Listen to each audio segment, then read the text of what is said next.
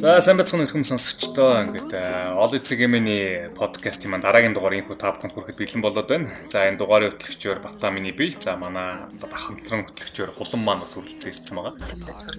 За өнөөдрийнхөө дугаараараа бид та бүхэнд ерөнхийдөө байрны урьдчилгаа яаж бүрдүүлэх юм, хэрхэн одоо ер нь бол тийм мөнгө хөрөмтлүүлж одоо байр авах төвчний мөнгө ингэж хөрөмтлүүлэх вэ гэдэг сэдвээр бас мэдээлэл хүргэл зүгээр юм болов уу гэж бодлоо.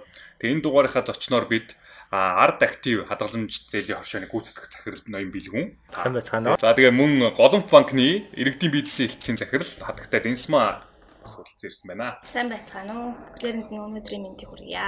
За ингээд ерөнхийдөө бас ингээд хоёр бас юу гэдгийг одоо сүүлийн нэлээд идэвхтэй үйл ажиллагаа одоо ялангуяа иргэд чиглэсэн идэвхтэй үйл ажиллагаа явуулж байгаа одоо Голомт болоод ард гэсэн хоёр компани төлөөллийг өнөөдөр бас урьж авчирч чадсандаа бид бас нэлээд баяртай байгаа. За тэгээд мэдээж голомт банкны хувьд бол нөгөө үндэсний хөрөмтлийн хөтөлбөрч гэдэг юм бас нэлээд том иргэдэд чиглэсэн маш том хөрөмтлийн хөтөлбөрийг хэрэгжүүлж исэн туршлагатай одоо ч гэсэн үргэлжлүүлэн хэрэгжүүлсээр байгаа ийм компани. За ард компани, ард актив компани хувьд бол мэдээж бас ард ард группийн хувьд бол нийтэд наваад үзэхэд бол ерөнхийдөө бас нэлээд иргэдэд чиглэсэн яаж одоо ирээдүгөө илүү баталгаатай болох вэ гэдэг чиглэлд зөвхөн хадгаламж зогсохгүй бас хувьцаа бас үнэт цаас бусад зүйлсийг санал санал болгоод бас нэлээд идэвхтэй үйл ажиллагаа явуулдаг компаниуд байгаа. За тэгээд А ерөнхийдөө сэдвээ ер нь юугаар эхлэх вэ гэхээр би бол ингэж л бодоод байна л да нөгөө байр одоо ер нь авахд одоо ер нь бол мэдээж нэг чухал зүйлийг нэг бол ялтчих одоо урьдчилгаа төлбөртэй. Одоо тэгэхээр одоо яаж одоо тэр байрыг одоо авах вэ? Юу юу одоо ямар ямар шаардлагыг биелүүлчихэд би одоо чинь өнөөдөр өөрийн гэс нэг орон гэртэй байртай болох бай одоо нэг орох оронтой болох бай гэдэг талаар асуултаа эхлүүл жоохон сонирхолтой болов гэж бодлоо л доо. Тэгэлгүй яг одоо ч ер нь тэгээд орон сууцны зээлийн хэрэгцээ орон сууц одоо одоо та нар харахад ингээл орон сууцны хорооллууд өсөд одоо их болол тий. Тэгээ энэний хэрээр цаана хүмүүсийн хэрэгцээ байгаа. Тэгэхээр хүмүүс мэдээж аль болох орон сууцнд амьдрахыг бодож байгаа. Тэгээ энэ бол ингээд э, жилээс жилд орон сууцны зээлийн тоо бол өсөж байгаа. Эндээс харагдаж байгаа. Тэгээ манайхан гол гол нөгөө асуудал юу гэдэг вэ гэхээр банкн дээр ирээл нөгөө орон сууцныхаа зээлийг авъя гэхээр урьдчилгаа төлбөр байдаггүй гэсэн асуудал байдаг. Ерөөсөө л энэ асуудалтай хийхэд тулгарч байгаа. Ер нь бол дийлэнх нь дийлэнх кейсүүд дээр яадаг вэ гэхээр урьдчилгаа төлбөрийг энэ орон сууцны зээлийн урьдчилгаа төлбөрийг хэн бүрдүүлж өгсөн бэ гэхээр нөгөө 30 хүрсэн 25 хүрсэн Монгол улсын иргэн өөрөө ерөөсөө бүрдүүлээгүй. А тэрийг хэн хөлөөр нөгөө хөрхи эцэг гэх нь тэтгэврт гарахтаа нэг хідэн төгрөгийн тэтгэвэр авдаг тий. А тэгээ төрийн алба хаагч байж байгаа нөгөө авахлаар тэтгэвэр анги авдаг штеп. Тиймэрхүү байдлаар урьдчилгаа бүрдүүлсэн. А эсвэл нөгөө урьдчилгаагаа цалингийн зээл аваа бүрдүүлсэн Тэ? А эсвэл хин нэгний өгсөн дийлэнх нь биелэглэлээр ингээд нэг урьдчилгаагаа бүрдүүлсэн байгаа гэдэг тийм. Тэгэхээр энэ бол яалтчгүй. Хүмүүсийн одооны хүмүүс урьдчилгаа төлбөрөө бүрдүүлэх дээр бол асуудал байгаад байна л гэж одоо банкуд бол харж байгаа. Тэгэхээр бид нар бол юу зөвлөдөг гэхээр одоо хүн угаасаа ингээд төрөөл их сургуульд ороод төгсөөл ингээд одоо хүн чинь төрөөд өгөх нь үнэн гэдэг шиг хүнд хэрэгцээ гарах нь ойлгомжтой. Тэгэхээр яах нь ажлын байран дээр дөнгөж гарсан хүмүүсд бол бид нар одоо юу гэж хуримтлал дээр яг үндэсний хуримтлалын хөтөлбөрийн хүрээнд ч гэсэн ер нь юу гэж зөвлөж байна гэхэлэр наад урдчилгаа төлбөр чи ингээд аваасаа ойлгомжтой зурлаад төгсөд байртай болно нэг хүүхэдтэй болно тий Тэгэхээр яах нь байр авахын тулд урьдчилгаа төлбөр хэрэгтэй. Тэр урьдчилгаагаа хуримтлалаараа бүрдүүлээд өгөөч гэдэг тал дээр банкуд нэлээд сайн зөвлөдөг болсон байгаа да. Тэгэхээр тийм бол юу гэж харах гэдэг нь гэхэлэр энэ цаанаас юу илэрхийлж байгаа нь гэхэлэр санхүүгийн хариуцлага сахилга батыг бас илэрхийлж болдог. Яг тэгэхээр тэр хүн өөрөө өөртөө зориулаад нэг хуримтлал дээр зорилго тавьсан шүү дээ. За магадгүй би өнөөдөр 21-т ажилд орлоо. Би 25 таа одоо байр авнаа гэж зорж болно те. Тэгэхээр 4 жилийн дотор би сард одоо юу гэдэг хэдэн төгрөгийг сар болгон цалингаасаа чааш нь хийх юм бол 25 настайдаа би юу гэдэг нэг буян тухай хороолт хоёр өрөө байр авах нэ гэдгийг хуримтлал дээр зориг тавиад Тэгээ урьдчилгаа төлбөрөөр бүрдүүлчих юм бол тэр хүний юу гэж хааж байгаа гэхээр оо энэ хүн бол санхүүгийн сахилга баттай. Нэгдүгээр зорилгондоо хүрч чадчихэв. Тэгэхээр энэ хүн одоо бүр зээл төлөх биш бүр эргүүлээд өөртөө бүр хуримтлалаар ингээд урьдчилгаагаа бүрдүүлж байгаа гэдэг утгаараа тэр хүний нөгөө зээлч зэрэглэл буюу нөгөө зээлийнх нь скоринг бас айгу сайн гардаг байхгүй юу. Тэгэхээр энэ тал дээр бид нэр нэлийн залуучуудаас зөв зээлийн тэл нөгөө үнэлгээ нь одоо хүнд нөлөөлөх үү. За ипотекийн 8% бол мэдээж шууд гаргадаг. А яг банкуудын хувьд ч нөгөө орон сууцны зээлийг арай өндөр нөлөөлөхгүй яг уу. Одоо та нар нөгөө Холливуудын киноноос мэдэн шүү дээ. Одоо зээлийн скоринг гэж ярьдаг шүү дээ. Одоо одоо залуучууд охтуудыг ханаалтахта миний скоринг бол 700 ч гэдэг юм уу те? Ингэж хэлээд яадаг тэрнтэй адилхан Монгол ч гэсэн юм болцсон болж байгаа улам сайжирж байгаа. Тэгэхээр юу гэдэг Монгол улсын 3 сая иргэнийг одоо скорингжуулж ин гэсэн үг шүү дээ. Зээлч зэрэглэлийн үнэлгээ гаргаж ин гэсэн үг болж байгаа. Тэгэхээр тэр хүний одоо нас эрхэлж байгаа ажил доктор суушрал тий тэгээд хуримтлаа хийсэн байдал эндээс шалтгаалаад зээлийн зэрэглэлүүд нь өөр өөр гардаг. Тэгэхээр юу гэдэг хамгийн өндөр зэрэглэл авч байгаа хүний хувьд за энэ хүн бол эрсдэлгүй гэж үзэнгүүтээ одоо баг хүүх өгдөг. Манай банк бол яг ингээл явж байгаа байна банкны хувьд. Тэгэхээр зэрэг энэ бол аюу чухал үзүүлэлт болцсон байгаа даа. Тэгээ банкуд бол улам сайн хөгжиж байгаа Тэгээ тан дээр өөр төр чи ингээ зээлийн зэрэглэл гаргаад ингэж чаа. Тэгээ хүмүүс бас ойлгохгүй. Яагаад та нар ингээ орон сууцыг зээл авахд амар өндөр шаардлагатай тавиад идэм бэ? Тэгэхээр аргийн хүн чинь авч чадахгүй шүү дээ гэдэг. Тэгэхээр банкныхаа юу хариулдаг вэ гэхээр бид олвол те бусдын мөнгөөр үйл ажиллагаа явуулж байгаа. Өөрөөр хэлбэл одоо юу гэдэг бата, хулан, бэлгүүн, дисма нарын хадгаламжаар банкуд цааш нь зээл олгож байгаа шүү дээ. Тэгэхээр зээлийн хүн хадгаламжийн хүн дээр зөрүү олж болж байгаа. Тэгэхээр зэрэг банк бол өөрийнхөө 100% өөрийнхөө мөнгөөр үйл ажиллагаа явуулаагүй байна шүү дээ. Тэгэхээр хүмүүсийн бусдын мөнгөөр үйл ажиллагаа явуулж байгаа учраас эргээгээд бид нар маш эрсдэлгүй, маш одоо зээлээ түлхэх чадвартай хүнд бид нар зээл олгох ёстой. Тийм учраас зээлийн зэрэглэл скорн гэдэг зүйл байгаад байдаг байхгүй юу. Тэгэхээр энэ дээр үндэслэж бид нар нөгөө зэрэглээ тогтоогоод сайн скорингтэй хүнд баг хүүтэйг бол бид нэр өгч чаддаг тийм аа да.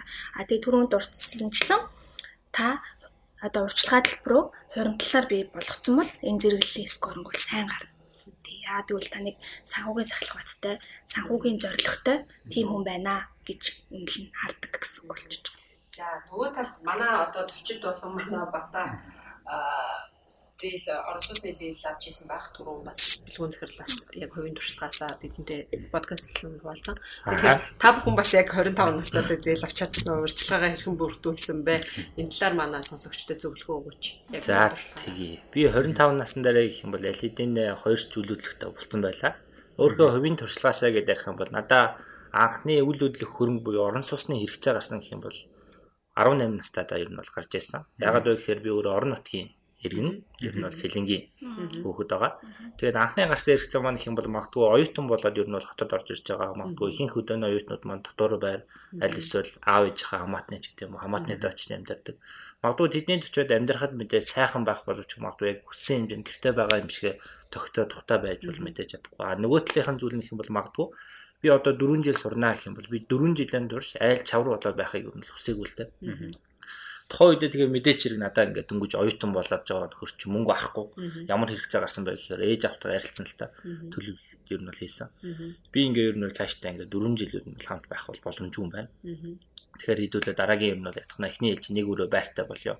Яаж болох боломжтой юм бэ гэдэг гаргалгаа гаргасан. Хамгийн дөрөв нь юм бол мэдээж хэрэг тухайн үед аав ээжд маань бага хэмжээний хоримтлал байсан. Аа магадгүй тэр хоримтлал дээр нэмээд их юм бол аав ээж маань машина зарж байгаа надаа нэг өрөө байр авч өгчээсэн л тоо. Нэгдүгээр курсын маань одоо хаврын юм байна. Тэгээд тухайн үдүүл хөрөнгөтэй болсон нэг мэдсэн чил намар болоод хичээл хэлэх болсон л тоо. Хоёрдугаар курс эхэлж.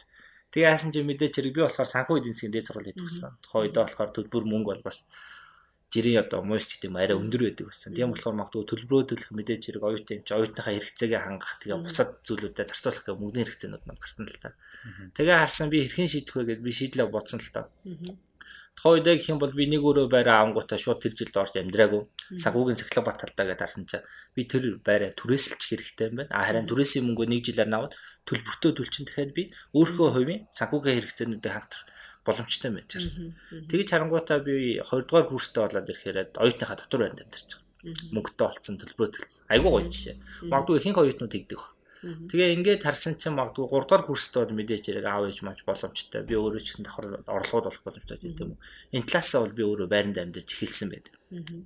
Тэгээ ингээд харахад бол яг нөгөө хүмүүстээр болохоор яг үйл хөдлөх хөрөнгө авах хэрэгцээ нөрөө хизээ гарч байгаа юм бэ гэхээр 18 нас хүрэл ер нь бол хүмүүст магадгүй хөрөнгөтэй болох хэрэгцээнүүд маань өөрөө бий болдог. Хамгийн ихний хөрөнгө оруулалтуудыг бол хамгийн ихний хоримтлуудыг бол ээж аваас л угаасаа гардаг. Тэгэхээр магадгүй та нар маань өөртөө яг нөгөө хідэн насндаа ямар хэмжээний хэрэгцээ гарч ир магадгүй гадагшаа явж сурахыг хүсэж байгаа юм бол магадгүй хідэн дөрөв төлөө чи ямар хувийнх нь тэтгэл тэдэн хувийнх нь тэтгэлийг аваад явах боломжтой юм бэ гэдэг талаас харилцаад ээж автагаал ярилцаа сайн төлөвлөх нь өөр хамгийн чухал байдаг. Тэгээд яг тухайн зүйлийг нь бол бий болох хэрэгтэй. Тэрийг магадгүй дараа дараагийнхын шатн дээр нь хэрхэн гарах юм бэ гэдэг талаас нь аягүй зөв харж өгсөн юм. Би нэгдүгээр курстэй ирээд мэдээж хэрэг ахында байхдаа их ч одоо нөгөө нэг байрны хэрэгцээ байгаа юм байна гэж ер нь бол харсан. байрны хэрэгцээгээд харахтаа яг магадгүй би хаана байр авах вэ гэдгээр ихэд өөртөө нэг тийм нэг хүн чинь зураглалыг бий болгодог шүү дээ. Тэр зураглалыг яг өнө мөрөөдөл би бий болгож эхэлсэн л та. Магадгүй тухайн үед надад хамгийн боломжтой зүйл бол би өөрөө хороолол эцэс явдаг гэсэн байхгүй тухайн арай ойрхон ирж буцаад ойрхон амар тэгээд одоо байршлын хувьд ийш тийш явах ч гэсэн амар гэдэг талаас би одоо шинэ дараагийн байраа би модны хоёр тэгээд төлөвлөсөн байсан л та. Та баг мэдэх бах. Модны хоёрын нэг гантин шараг байдаг шүү дээ. Тэрний тэр явцаа байл айгүй нэг автобусныхаа буудалтай ойрхон.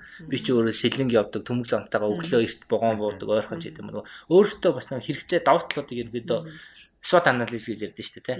Өөрөө хамгийн боломжтой давуу байрлалаар нь сонгоод тухайн үйл хөдлөлтийг нь бол бий болгох Аа тэгээд харсан мэдээж зэрэг одоо эхний хөрөнгө маань бий болчлоо. Дараагийн зүйл маань гэж харсан чинь маа дүү маань бас оюутан болоод ирэх төгсөн байсан л та.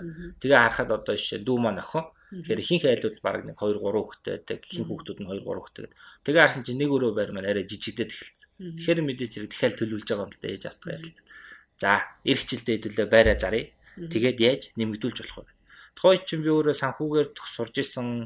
Аа тэгээ мэдээж хэрэг бас ч нэг дөнгөж зах зээл одоо жишээ нь байрны үнцэн маань өөрөө ээж устын буурд яг жоохон сурж байгаа ойлгож байгаа нас шин. Тэгээд ингээд харсан чи яг хоёр өрөө байрны хэрэгцээ гэл тэр үед би яг амар сайн санд.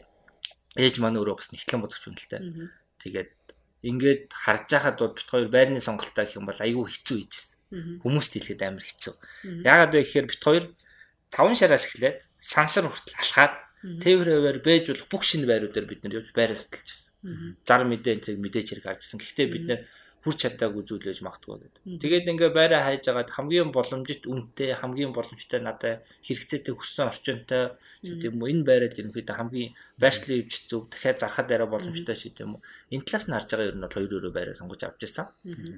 Тэгээ ингээд давхад болохоор магадгүй нөгөө хэрэгцээнүүдээ магадгүй буцаагаад яг дараа дараагийнхын төвшин дээр нь хүрх хэмжээнд нь л одоо явах хэрэгтэй л гэж би бодсон үлтэй. Аа энэ жилдээ гэх юм бол миний хувьд бол хоёр өрөө байраа бол муу ялгаагүй зарсан байгаа.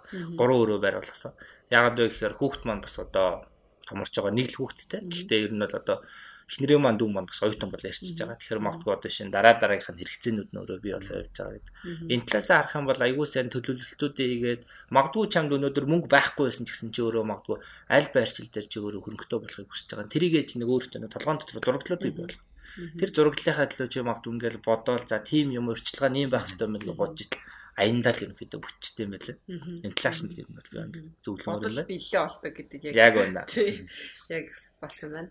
За яг тэгээд би үргэлжлүүлж бас энэ талаар яг би өгнө юм янмаар байна. Гэтэ энийг заахаа бай төр би нэг орхиод түрүү нэг яг нэг сонирхолтой юм жоох орхигдчихлаа л да. Би тэр зээлийн үнэлгээний систем гэдэг зүйл Монгол жоох өөр шинэ болчиход байгаа байхгүй тий. Хүмүүс нэг төдийлөн сайн мэдгүй яг нэг гадаад мадад бол нэг credit scoring system гэж ер нь бол явж лээдэг тий. Тэгэхээр нөгөө одоо тэрийг чинь үнэлгээгээ сайжруулах зүгээр би хүнээс сонсох нь ингэж сонсож байгаа нөгөө шууд одоо байрны зээл анх удаа авахгүй. Аль болох тэр байрны зээл авах гэж явж явах явцдаа бас нэг гар утсан гээ лизингээр аваад эрийгээ төлт дуусгаад тий машин авдаг бол машин машин үгүй яг нь машин авдаг бол машина зээлээр аваа ингээд төлөө дуусгаад. Ингэчээд нөгөө хит хитэн зээлд хамрагдчихад байрны зээлэнд хамрагдах юм бол нөгөө чиний нөгөө онооч нь айгу гайг болчихно. Тэр үед нөгөө хүү мөнгө ч юм бас нөгөө нэг одоо тэр нөгөө банкнууд чамааг одоо хараад энэ мөнгө зээлэл болцохоор нөхөр байна гэж харах юу нь бас нэмэгддэг гэж юу нь бол хүмүүс яриад байдаг. Энэ юу нь яг үнэн үү те. Тийм тийм яг тэр бол нөгөө зээлийн түүх. Аа. Утгаар харж байгаа. Юу харах гээд байна гэхэлэр энэ бата гэдэг хүн өмнө нь баг дүнтэй чултгаа зээл аваад хугацаанд төлж ирсэн үгүй гэдэг чинь л харах гэж байгаа гэсэн. А хэрвээ тэгсэн байх юм бол илүү сайн үзүүлэлт болно мэдээж хэрэг. А гэхдээ мэдээж хэрэг анх удаа ерөөсөө огт өмнө зээл авч байгаа хүнд бид нэр зээл өгөхгүй гэсэн юм байж болохгүй шүү дээ. Тэгэхээр зэрэг ороод ирэхэд нь бол зээл нь мэдээж хэрэг болно. Тэгээ түрүү хэлсэн өөр дээрээ санхүүгийн түүх үүсгэж явах хэрэгтэй байна. Тэгэхээр таны магадгүй бата магадгүй 10 настайдаа хуримтлал хийгээд эхэлсэн бол нэр дээрээ тий. Одоо аав ээж нь тэр ч гэсэн одоо түүхэнд нь ороод эхэлсэн. Аа зөв зөв. Аав ээж хуримтлал. Хүүхдтэй зориулаа хуримтлал үүсгэж юм бас одоо одоо санхүүгийн хувьд банктай харьцаад эхэлсэн байна гэдэг. Одоо ер нь бол эрх зүй хагас чадамж буюу 14 настай хүүхд бол банкн дээр ирээд төлбөрийн карт аваад ингэх боломж байгаа штэ. Тэгэхээр зэрэг энэ наснаас хойш одоо юу гэдэг түүх үүсгээд явсан. А тэр түүхэн мэдээж сайн байх хэрэгтэй шүү дээ. Огт бархан байхгүй. Тийм байх юм бол ер нь тэр хүнийг илүү бид нэр амархан таньдаг гэсэн үг. Тэр л утгаараа. Тэр утгаараа илүү амархан гэж хүмүүс ойлгож байгаа. Гэхдээ мэдээж хэрэг огт зээл аваагүй хүнд зээл олгодгүй гэсэн юм бол байхгүй. Тийм л дээ тийм мэдээж яг нэг онооны илүү чам илүү сайн л гэсэн үг. Магадлал өндөрснөөр өндөрснөө. Тэгэхээр түрүүн хэлсэн нөгөө сар болгон хуримтлаа хийж чадчих байгаа юм чинь яг л нөгөө зээл төлж байгаа юм шигээр хуримтлал хийж чадсан өмнөнийг бол илүү сайн хийж тогтсон дүнгээр те одоо өөртөө зорилго тогтмол дүн тий. Тэгэхээр нэгдүгээр чинь зорилготой байна. Одоо сая бэлгүүн бол аягүй мундаг зорилготой шүү дээ. Би одоо өөрийнхөө түүхийг ингээд ярих гэснээр ичээд ярьсангүй. Наад тийм байгааг байхгүй би чинь одоо айлын баг ирэх охин Монголтол явж исэн. Юу 18-дад байр бодох. Өөр юм бодож байгаа. Тэгээ ихний хүүхдээ би аавандаа гаргасан тийм хүүхдээр. Тэгэл яг тэрнээсээ аавынхаасаа өөх тусгаарлаа гарсан л та. Тэгээ бодхолоор одоо одооны залууч аягүй мундаг болцсон. Яг ийм зоригтой байгаа харуулж байгаа байхгүй. Тэгэхээр зоригтой хүн яах юм? Зориг гэдэг чинь цаасан дээр бууж ич нөгөө яг мөрөөдөл нь одоо юу гэдэг цаасан дээр буухаар зориг болно. Тэгээд тэр зоригын төлөө тэмцэнэ гэдэг чинь гарч ирж байгаа шүү. Тэгэхээр тэр зоригын төлөө аягүй мундаг харж чадсан ба шүү. Хараад тэрнийхэн төлөө ингээд ажиллагаа хийж чадсан байна. Яг тэрнтэй адилхан залуучуудыг бас ингээд бэлгүүнээс бас санаа аваад ингээд хийгээсэй гэж бас бодож байна би. Энд тэгээд саяны энэ оноонд чинь ипотек авахд нөлөөлтгүй юу юм? Тийм нөлөөлөл нөлөөлөл бүх төрлийн зээл чинь л одоо зээлийн скорнгаар гарч ирж байгаа шүү дээ. Зээлийн скорн зээлч зэрэглийн оноо гэдэг монголоор орчуулахаар. Тэгэхээр одоо бүх банкуд л энэ рүү шилжчихсэн байгаа. Аа яг би нөө ипотек гэдгээр юу хэлэх гэдэг юм чинь хүүн бол уун тогтмол шүү дээ. 8% Тэрийг нэр авах 8% магадлал нь өсвүү бол- багасхуул Аа, гэдэг зүйл асуугаад. 8% ч юм болохоор арай өөр. Аа, арай өөр. Засгийн газрын Тийм л дээ. Гэхдээ тийм тэгтээ нөгөө Гэхдээ арилжааны банкаар 8% дамжуулж нөгөө байгаа шүү дээ. тий, Аа, 8% мэдээж дээр хэрэг. хүсэл гаргаж байгаа хүнд өмнөх ингээ зээлийн түүх хэрвээ сайн бол за энэ хүнд 8% ингээ олох чи. Тэгвэл яг уу Магадлал өснө гэсэн үг тийм. гэсэн өөрийгөө таниулж шít бид нарт таниулж чадчих байгаа байхгүй юу. Тэгэхээр зэрэг аа энэ хурц чинь ямар мундаг юм бэ? Хар багаасаа ингээд зориг тавиад орлогоо хийж явчихсан байна. Зээл авч ирсэн. Утасны зээлээ нэг ч өдөр хоцроож байгаагүй юм шүү дээ. Өө ямар мундаг юм гээд тэгээд тэр систем ч өөрөө танаад скор гэж өндөр гаргаад ирсэн гэсэн үг байхгүй юу. Тэгээ саяны тэр хүүхдийнхээ нэр дээр хадгаламж хийгээ тэр нь ирээдүйд бас ингээд банкнаас нөлөөлнө гэдэг чинь айгүй шинэ мэдээлэл байна л байна, Тийм. Би тийм жишээ нь одоо хоёр хүүхэдтэй л ерөөсөө ингээд эхэндээ нэг мөнгө төгөж хийдэг гэж байгаа сүүлдээ тэгээд за Тэг яа явна гэвэл тэр банкн дээрээ яг хүүхд дээрээ зориулаад хадгалсан байвал скор бас нөлөөлдөг. Аа тухайн баг. Одоо жишээ нь би ингэн л гэсэн санаа шүү дээ. Банк бол өөр өөр Тийм скор тийм байна. Өөр өөр өөрсдийнх нь. Одоо бид нар бас юу зөвлөдөг гэхээр нөгөө хуваараа бизнес хийж байгаа хүмүүс зээл авахд аяг хэцүү байдаг гэдэг бас яриа гараад идэх байхгүй юу. А тэгэхээр бид нар юу гэж хэлдэг вэ гэхээр оо хамаагүй ямар нэгэн банкны дансаар над орлогоо оруулаад өгчээл гэж хүсдэг. Аа зүг зүг. Тэг яагаад л нөгөө төл чинь бас төгшөөдөг бүх ингээл дэлгүүр хүртэл ингээл тэг бэлэн мөнгөөр худалдаа хийгээл ингээд тэгээд одоо ч гэсэн байгаад байна л та уул нь хэдийгээр бид нар 3 сая хүн карттай зарим нь одоо баг та нарын төрөвчөнд бол 2 3 банкны карт байгаа шүү дээ. Тийм дор хаяж 2 2 карт байдаг. Тэгэхээр ийм ийм хэдий ч нөгөө үндсэн үйл ажиллагаа явуулж байгаа орлогоо дансаар юусэн явуулахгүй байгаа. Тэгэхээр бид нар юу зөвлөж юм гэхээр банкны системд ажиллаж байгаа банкир хүмүүс үгүй та орлогоо ямар нэгэн банкны дансаар аваатгаач. Тэгэх юм бол таныг таньж мэдхэд аюу амар болно хэлж байгаа. Тэгэхээр бид нар чинь нөгөө банкныхаа дансны хуулгыг аваад ирээ гэдэг штеп. Тэгэхээр дансны хуулга аваад ирэхлээр зэрэг аа энэ хүн чинь тогтмол орлоготой юм байна штеп гэдэг. сар болгон төлөв өөрөө болж байгаа. Тийм. Тэгэхээр банкнаас битээ ээ дансаар мөнгө гүйлэхээс битээ. Тэгэхээр нөгөө тал дээр ашигла гэж хэлэх гээд байгаа. яг энэ жоохон яг яг олон нийт рүү чиглэсэн л асуулт шүү. Нөгөө тал дээр одоо банкныхаа данс руу орлогоо ичлээ. Одоо ялангуяа нөгөө бэлэн мөнгөөр худалдаа хийж байгаа хүмүүс татвар төлөх нь харьцангуй бага байгаа болов. Тэгээ тэрнээсээ бас айгаад банкны данс руу хийхгүй байх юм байдаг чинь нэр хэр хамгаалалт гэдэг юм. Тий яг тэр чинь одоо нөгөө нэг нөтийн систем чинь суглаа мглаа байдаг болсон чинь хүмүүс худалдаа авах чинь өөрсдөө шаардаад эхэлж байгаа байхгүй юу? Тий нөтийн суглаагаа авмаар байна. Өгөөч энэ төр гэх. Тэгэхээр одоо дэлгүүрүүд 8 нэрийн дэлгүүр мөлөөрүүдийн харьцангуй ер нь бол Гайгүй.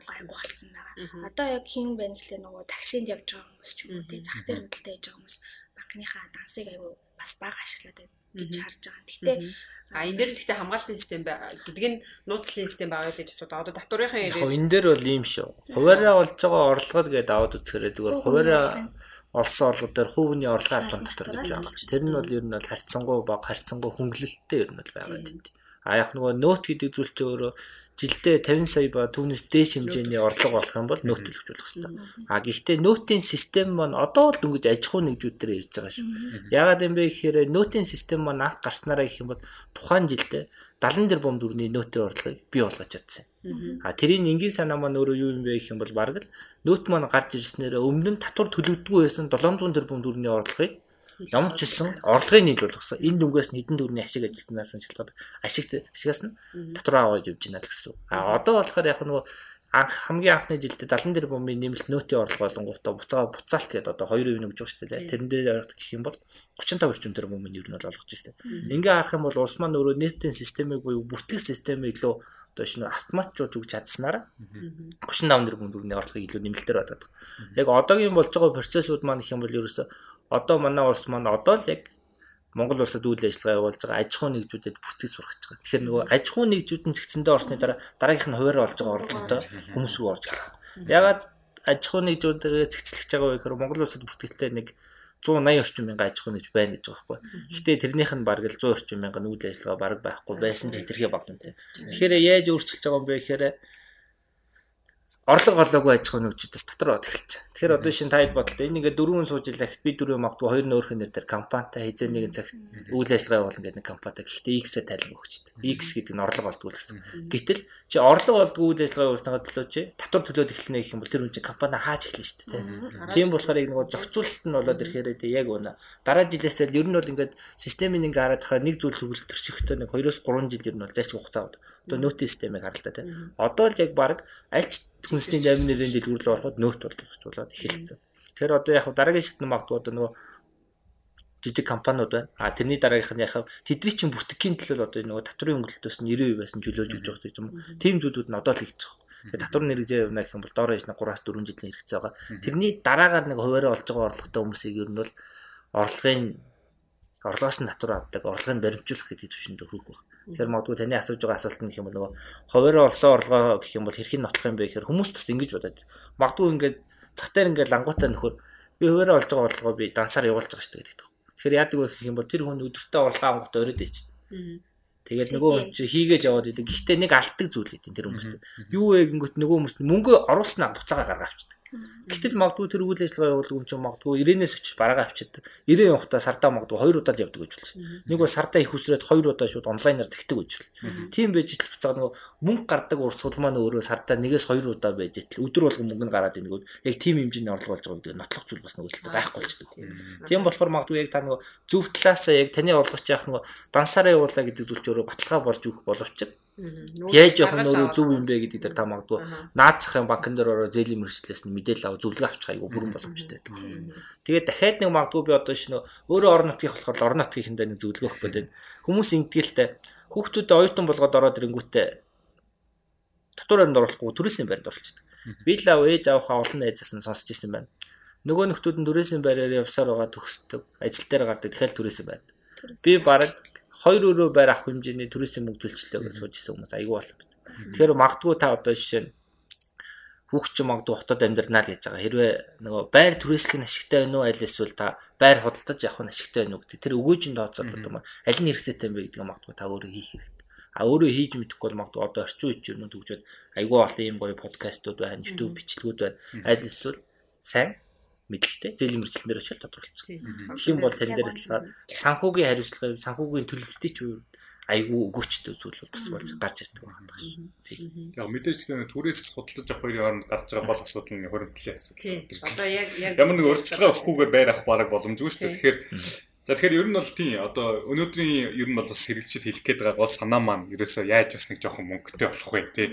Ер нь тийм хадгаламжаар. Гэтэ ингээд зүгээр ингээд жоохон ингээд хар ухаанаар бодохоор ер нь ийм л юм билээ шүү дээ. Хүн нэг яаж хийж байгаа жижигж байгаа нэг 100 сая төгрөг хадгаламжиндаа хийчихвэл за мэдээж одоо Монголд бол дэлхийн бусад улс орнуудтай харьцуулахад хадгаламжийн хүү харьцангуй өндөр байдаг тий.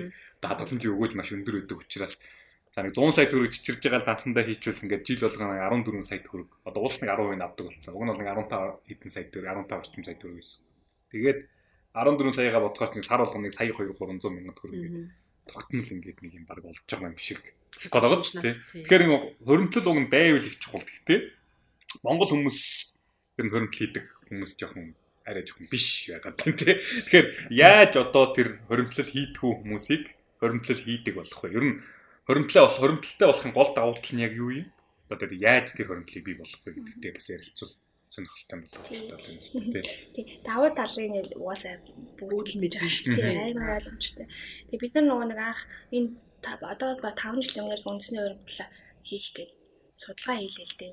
Тэгээ нөгөө бид нар тэр тухайн үедээс нөгөө түүхч одоо судлаач цэнттэйгоо хүртэл одоо судалгаанд оролцуулаад энэ яагаад монголчууд энэ хоримтлал хийх байгаа юм бэ гэдэг Яг монголчууд нөгөө нэг ер нь бол 3 сая хадгаламжийн данс байгаа даа.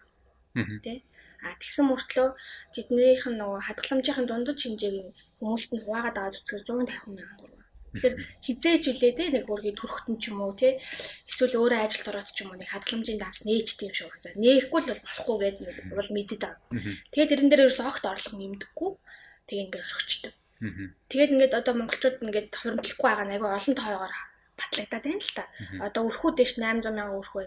Тэр 800 мянган өрхий ч одоо бараг 20% нь хуримтлалтай байгаа даа гэж байгаа. Тэгээ өрхийн орлого нь өрхийн зардал нь өрхийн орлогоосоо давцсан ч гэдэм юм. Ингээд хуримтлахгүй байгаанууд нь аюу олон тоогоор батлагдсан. Хүмүүсээс нөгөө амар нөгөө чанарын судалгаа гэдэг чинь ийм судалгаа авлаа. Тэгээд гисэн чинь ерөөсөө хуримтлахгүй байгаа шалтгаан юу гэсэн чинь ерөөсөө яаж идэм мэддэггүй. Тэгэхээр яг бидний нөгөө боловсролын систем. Та нар бодолтой 10 жилд хэн хуримтлалын тухай ярьсан. Ярьж өгчөөс нь та нар тийм ер нь сонсож байгаа юм шүү дээ. Би мөөс эдийн засгийн төгссөн тий би өөрийгөө аюу мундаг санхууч гэж бодож явж исэн гэтэл надад хуримтлал байгаагүй. Яад бол мөөс эдийн засгийн нэг нэг дээд боловсрол олгож явахт хүртэл санхүүгийн боловсрол тухайн хүний хувь хүний боловсрол гэдэг юм ерөөсөө орхитуулсан байна. Тэгэхээр амжилт хөтөлбөртөн ч байгаагүй. Тэгэхээр яах юм бэ? Хөрхий мэдхгүй юм чинь. Яаж гэдгийг мэдхгүй, хэрхэн гэдгийг мэдхгүй, яагаад би хоримтлалтай вэ, болох ёстой вэ гэдгийг мэдхгүй юм чинь аргагүй болчиход байгаа. За тэгэл нэг сайхан ингэ явж байгаа. А гэхдээ нэг сайхан гэрэлтэй сайхан мэдээ бас та нарт хэлий. Дандаа бараа юм хэлээ. Яг гоо. Тэнгүүд юу гэсэн гэсэн чинь бид нар одоо энийг хөтөлбөрөөр хийгээд явснаас хойш нийт одоо манай хөтөлбөрт хамрагдсан хүмүүсийн дийлэнх нь 21-с 35 насныхан болсон. Тэгээ 68%. Тэгэхээр зэрэг баярлж байгаа зүйл байна. Бидний нөгөө дараагийн үеийнхэн одоо Millennium Mix Mix үеийнхэн чинь илүү зоригтой, зоригтой, зоригтой хүрэхийн тулд хуримтлал хийх ёстой байна гэдгийг ойлгоод ухамсарлчихсан хүмүүс байгаа тийм. Тэгэхээр энэ тал дээр одоо айгуу сайн сайн болж эхэлж байгаа. А тэгээ бид нар энийг яг яагаад Э, чаддгүй юм бэ? Яаж хийж яагаад нөгөө нэг чадуу гэдэг мэдсэн. Тэнгүүд яаж хийх вэ гэдгийг хүмүүс зааж өгөх ёстой байна. Тэгэхээр хамгийн энгийн ихний алхам юу вэ? Тий хүмүүс одоо нөгөө educate хийх хамгийн энгийн ихний алхам одоо ингээд нөгөө бид нар ч бас хэлээгүй байгаа. Тэр нэг Warren Buffett хэлсэн маа. Хүн ямар ч байсан та өөрөө хоёр гартаа, хоёр хөлтэй, хоёр нүдтэй бол хүн орлого олд юм аа. Хинч орлого олно хүн олсон орлогоо зарцуулна гэдэг хамгийн хэцүү. Тийм учраас та хэрвээ хуримтлал хий гэж үтсэн бол эхлээд орлогоо олчих. Тэгээд олсон орлогоосоо хуримтлалтаа хийж үйлдлийн зарцуулчих гэсэн. Ийм л амархан дөрөв. Эхний дөрөв бол ердөө л юм байна. Зүгээр ямар ч байсан орлогоо оллоо. 10 ч юм уу 5 ч юм өөрөө нэг хувиа бодсон байгаа шүү дээ. Тэрнийг ямар ч байсан ингээд шууд нүдэн анаад тийш хийчих нь шүү дээ. Тэгээ үлдсэн мөнгөө яаж зарцуулах нь л тань. Тэгэхээр хүний одоо ингээд ихлэхээр хүмүүсийн нөгөө муу зуршил ч юм уу мөнгөө хэрэггүй юмд өртөг байсан зуршлууд нь засарч эхэлдэг. За бидний эхний өгдөг зөвлөгөө бол байна. А хоёр дахь зөвлөгөө нь болохоор вэ гэхээр хүмүүс их мөнгийг хөндлүүлнэ гэж боддог сая бас батаагаас яг дурд чинь 100 сая төгрөг гэд. Гинтгэл хүн 100 сая төгрөгтэй болоод гинтгэн нэг үл хөдлөхөө зараал те. За энийг л хадгалъя да гэж бодоод идэв. Гэтэл үгүй. Хуримтлал гэдэг үгний одоо үнцийг хар хадгаламж гэхгүй шүү дээ хуримтлал. Тэгэхээр байхгүй байсан шилэн сав хоосон байсан эхлээд. Гэхдээ тэрлийг дүүрэхийн тулд хуримтлуулна. Баг багаар тийм үү. Тэгэхээр зэрэг та өнөөдөр орлого олж ил орлогоо битгий гол. Өнөөдөр 1000 төгрөгч болно. 500 1000 10000 тий? Ингээд хөндлүүлаач. Тэгэхээр бага мөнгийг хөндлүүлэхээр аяндаа над сав чин дүүрнэ. Аа тэгээд таны сав дүүрээд ирэхээр та өөрөө тэрэн дээр амар excited болоод одоо оо ээж яасан гоё ингээд ингээд хэлдэг байгаа даа. Аа тэгээд бидний хамгийн гол хүрдэг дараагийн мессеж юу гэхээр наатаха зүгээр л зуршил болгочих гэж. Аа хөндлөл хийхийг туршил болгочих гэж. Тэгэхээр habit гэдэг нь power of habit гэх ном байдаг шүү дээ. Туршлын хүч. Тэгэхээр өнөөдөр Harvard-ийн сэтгэл зүйчнэр эрдэмтэд юу гэж юм гэхээр фитнес хийхийг туршил гэдгийг баталсан шүү дээ. Яагаад гэвэл та нэг үйлдэлийг тогтмол хийсэн учраас автомат тархины үйлдэл болсон гэж байгаа байхгүй. Тэгэхээр тэрнтэй адилхан та орлого оллоо бол нөгөөхөө банк руу барьж гүйдэх болчих. Тэгээ банк ч юм уу юу гэдэг мэдэхгүй. Данс руугаа л хийдэг болчих. Тэгэхээр эн чинь өөрөө аяндаа танд туршил болчихно өрхөөсөө илүү зарцуулах гэдгийг төрүүлж бодохгүйгээр нөгөөтгөө аа за би хоригдлох ёстой гэж ингээд тэгээд зуршил болгочих гэж байна тийм. Тэгэхээр би одоо би өнөөдөр чинь 35 настай. Та нарт хэлбэл бүр та намайг маш хоолох итгэхгүй ч юм уу.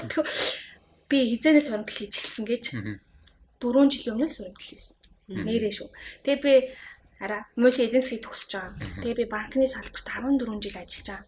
Тэгсэн мөртлөө би бас ингээл өмнө лекц хийгээл тий хоримтлал бол агуу магуу тэгээд ингээл ярьж явсан. Гэтэл өөрөө хоримтлал авахгүй. Яаж идэв мэдэхгүй. Хинч надад зааж өгөөгүй. Тэгээд би нөгөө нэг өөрөө яг одоо хийжсэн ажилдаа маань уйлдаад эхлэхэд тэгээд бас хоёрдугаар эмгтэн хүн чинь нэг юм 30 нас хүрэхээр чинь дон гэдэг юм штэ ингээд толгоон дон гэл юу вэ би ч одоо 20 жилийн дараа 20 25 махан жилийн дараа одоо тэтгэврт гарах юм штэ гэл тий. Бодогдож байгаа нэг эсвэл нэг тийм илүү жоохон ухаалаг болдог ч юм уу мэдэхгүй нэ. Тэгээд өө энэ ч хөрөмтөлтэй болохгүй болохгүй байна да гэл. Тэгээд яасан? Нөгөө өөрөөсөө нуугаад цалингаасаа шууд татуулаад нөгөө тэгэхээр би үрхээсээ өмнө тийм өмнө зөндөө юм дүүрэн штэ тэр чинь найзуудтайгаа хаяа вайнууд шоудна. За хамгийн миний муу зуршил бол би ерөөсөө хямдрал зарлсан дэлгүүр болгон орж заавал нэг юм авдаг. Тэгэхээр ингээд шопоолик ерөөсөө тийм нөгөө шопоолик кино гэж тэрэн шиг байсан. Тэ яахсан нөгөөдгөө үрх гэсэн чинь яасан банк надаас голомт баг надаас төрүүлээд миний цалингаас шууд аваад миний хоримтол руу хийсэн. Тийм үйлчлэг байгаа штэ захиалах чиглүүлдэг гэх. Тэнгүүд яг надад нөгөө муу зуршилтаа өрх мөнгөгүй болчихсон. Таксиний ч мөнгө авахгүй би ч айгуух таксиддаг байсан. Тэгээд миний одоо таксиддаг дэлгүүр хийсдэг нөгөө сар болгон вайн ууж дөрвдөг юм маань багсч байгаа байхгүй тий. Тэгэхээр ингээд засраад болдог байна. Тэгэхээр ер нь бол бидний гол өгж байгаа юм ерөөсөө л тэр та өөрөө тэгээ түрүү чи нөгөө ярьснуудтай бас мэдээж холбогдно мэдээж хэрэг зоригтой, хуримтлал дээр зоригтой. Аа тэгээд хүмүүс болохоор тийж асуудаг штеп. Нөгөө аа за за нэг л данс юм уу гэж ингээл ойлгоод байдаг байхгүй. Тэр үгүй ээ. Та өнөөдөр 100 зориг 100 мөрөөдөлт бол 100 данс нийчих. Өнөөдөр 100 данстай байлаа гэж банк ерөөсөө шимтгэл авахгүй. Тэгээ нөгөө ап ин ап гэдэг нөгөө хүүхэлдэйн кино байдаг штэ. Нөгөө дөрвөлжин толгойтой өвөтэй. Мөнгөө хийгээд хаглаа. Тэр хоёр ч хөөрхий ингэдэг штэ. Тэр хоёрын гол зорилго нь юу байсан гэсэн чинь мөрөөдлийнхаа ажил хийх байсан дээ. Тэгээд нөгөө нэг савлуулаад исэн. Тэгсэн чинь яаж чадаагүй шүү дээ. Яагаад чадаагүй гэсэн чинь дунд нь янз бүрийн гинт хэрэгцээ гарсан дээ. Гинт нөгөөдгөө хаглаад машин аваад, гинт нөгөөдгөө хаглаад хуц аваад ингэдсэн шүү дээ. Тэгэхээр бити тийм ганцхан хуримталтай хийх гэдэг байгаа байхгүй. Гинт хэрэглэх хуримталтай бай дунд хугацаанд хэрэглэх, урт хугацаанд хэрэглэх. Тэгээ бүр ерөөсөө гар хүрдэхгүй насан туршийн гэдэг юм уу юу гэдэг. Тийм бай гэж хэлгээд байгаа. Тэгэхээр та олон хуримтлалын зорилготой, олон данстай, а тэрлүүгээ сар болгон тогтмол орлого хий. А тэгэл тэрнийхээ үр шимийг хүртэнэ. Яагад бол өөрийн мэдлгүй. Одоо өнөөдөр бид дөрөв подкаст хийх, подкастыг сонсох шаардлагагүйгээр танд өөрт чинь зуршил сүүчнэ. Тэгэхээр та хэний ч ятгаланд орохгүйгээр та өнөөдөр орлого оллоо, нөгөөхөө барайл банк руу үгүй Тийм болно гэсэн. Асруугаа шууд шилжүүлнэ. Асруугаа шууд шилжүүлнэ. Тэгэхээр тэрний одоо түрүүн сайхан мэдээ хэлсэн тэр байгаа байхгүй 21-ээс 35 насныхан 68% байна гэж байгаа юм. Манай хувийн хөтөлбөрт нэгдсэн хүмүүс. Тэгэхээр энэ дээр бол би амар маш сэтгэл сэтгэл хангамжтайгаа ер залуучууд бол ирээдүгөө хардаг болчих, хуримтлалынхаа зорилгыг тавьдаг болчих. Тэрнийхэн төлөө сар болгон орлого хийж байна. Тэгээ би юу нэг түрүү хэлээдсэн нөгөө зуршил гэдэг үгтэй чинь одоо холбогдож байгаа нь голомтын үндэсний хуримтлалын хөтөлбөр бусад банкнаас юугаар ялгаж байна гэхэлэр таныг сар болгон орлого хийх шаардж байгаа. Өөрөөр хэлбэл таныг ташуурдж байгаа байхгүй юу? Сар болгон тогтсон дүнгээрээ 20 50 100 200 300 500 гэсэн сонголтуудтай. За би өнөөдөр цалингаас 300 хадгаллаа гэж бодоход сар болгон таны 300-аа хийх шаардна. А хэрэв 300-аа хийж чадсан бол би жилийн эцэст буюу 12 сарын дараа танд хүүтэйгээ нийлээд өгөөж нийт 20% өгөөжийг өгчөж байгаа.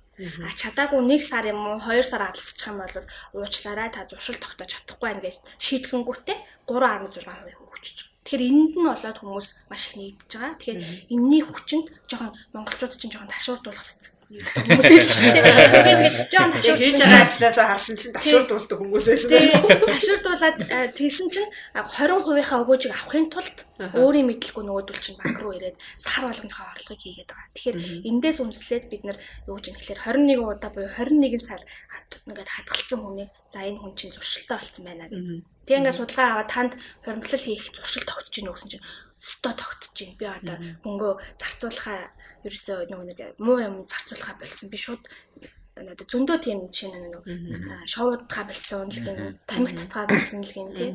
Тэгээд ингээд тэрнийхээ ингээ үрдэг байсан мөнгөө хоримтлуулсан. Тэгэхээр бид нар одоо нөгөө эргүүлээд хүмүүсийг educate хийх үүрэгтэй шүү дээ банк өөрөө. Бас хүмүүсийг санхүүгийн боловсрол үүрэгт болох үүрэгтэй учраас энэ үүргийнхаа хүрээнд бид нар ийм хөтөлбөрүүдийг, лекцүүдийг тэгээ энэ тийм зөвлөгөөнүүдийг аяух тавина. Бид нар сургуулиуд дээр очиж ярина. Тэгэхээр тэгэхээр би одоо бодтой 14 жилийн өмнө надад нэг тий Мөс идэж зурчих нэг нөхөр ирээд ингээд чи наадха зуршил болохоо. Тэгээ чи үрхээсээ өмнө хадгалж чи санхүүгийн оюутан тий чи тэрнийг мэдчихэ. Тэгтээ ингээд зуршил болог. Тэгээ хэлээд өгсөн бол би бүр 14 жил хадгалсан бол яа одоо үдид трибун хөртөө. Тэгээ би нөгөө нэг хэлдэг бас хүмүүс бас хэлдэг нь одоо нөгөө нэг түрүүн батаач хэлжсэн банкны хүү хамгийн өндөр агаад байгаа шүү дээ тий. Тэгэхээр ер нь бид нар ойрын жил ойрын жилдээ ч ойрын 10 жилдээ чинь хоёр оронтой тоноос буухгүй болов уу гэж бас харж байгаа. Тэгтээ бас мэдэхгүй байна л да. Тэгэхээр одоогоор яг банканы хувьд хүртэж болох хамгийн ашигтай бүтээгдэхүүн чи юу байна гэдгсэн чинь хатгаламж байна. Тэгэхээр өнөөдөр энэ өгөөжийг хүртсэн хүн маш олон байна да. А тэгээ би түрүү нөгөө хэлсэн шүү дээ. Одоо нэгэн ам алсных өөрийнхөө жишээг ярьчих тий. Тэр нөгөө нэг тэр ап гэдэг нөгөө Google-тэй гинэсэн шүү дээ. Эрсдлийн сан гэдэг шиг. Тэгээ би 4 жилийн өмнөөс яасан гэхэлэр өөр дээрээ 5 данстай болсон. Тэгээ миний хамгийн урт хугацаа миний эрхийн урууны данс гэж байгаа. Тэр болохоор би яг одоо 20 жилийн дараа тэтгэврт гарах байхгүй би ч одоо 35 таа. Тэгээ би бодохдоо хүн чинь төрт гарахаар орлого дөрөв дахин буудаг. Тэгээ би ээж аавыгаа хаарлаа. Миний ээж аав миний нүдэн дээр орлого нь буугаад сэтгэлээр унаалаа хэцүү байгаа байхгүй. Тэгээ би юм болохгүй гэж би шийдээд би яасан гэхэлэр тэрбум дөрөвтэй болно гэж зорж байгаа. Энэ бол миний урт хугацааны зорилго. Би 22 20 жилийн турш тэр дансанд огт хүрэхгүй. Аа тэгээд би яг тооцоолж үтсэн чинь сар болгон сая төгрөг хийх юм бол хүрнэ. Сая сар болгон сая төгрөг хийгээд байх юм бол өнөөдөр 13% хадгаламжийн үгтэйгээ жилийн. Тэгэх юм бол яг энэ 13%-аараа хэрвээ байж явах юм бол яг уу гэхэлэр тэрбум 300 сая төгрөгтэй болох юм лээ. Тэг надад хүмүүс ингэ ярихаар итгэдэггүй юм. Тэгэхээр ирээдүйн үнцийг нь болдог томьёоор бодоод үзэрэй таад яг болно. За тэгээд дараагийнх нь болохоор би гинтийн ирэх зэндээ 10% Одоо энэ тэнд Facebook дээр зөндөө шүү дээ хавдар туслаач гэдэг хэлээ гэлээ. Тэгэл тэгэхээр тэр хэрэгцээндээ 10% хийж байгаа. Аа тэгээ би одоо 2 хүүтэй, 3 дахь нь болохоор 2 хүүтэй, 2 хүүтэй зориулаад боловсралтын зориулаад 10% хийж байгаа. Аа дөрөвт нь болохоор би ч бас хүн л юм чинь хөрөт хоёр хэрэгцээ хөрөнгөө дандаа хүн чинь бас нэг шундаг штеп. Тэг 3 өрөө барай 4 болгомоор байна. Машина джип болгомоор л шүү дээ. Тэгэхээр тэрэндээ зориулаад 10% хийж байгаа. Тэгээ дараа нь болохоор манай гэр бүлийн зорилго гэхэлэр жил болгон гадагшаа аялахыг хүсдэг. Тэгэхээр тав дахь данс маань аялын дансандаа байгаа. Тэгэхээр яг сүүлийн 4 жил эннийхээ үр чимийг хүртээд бид нэр жил болгон аялалд явсан. Бүр үнэхээр болд юм бэл. Зорилготой хүрсэн юм тийм.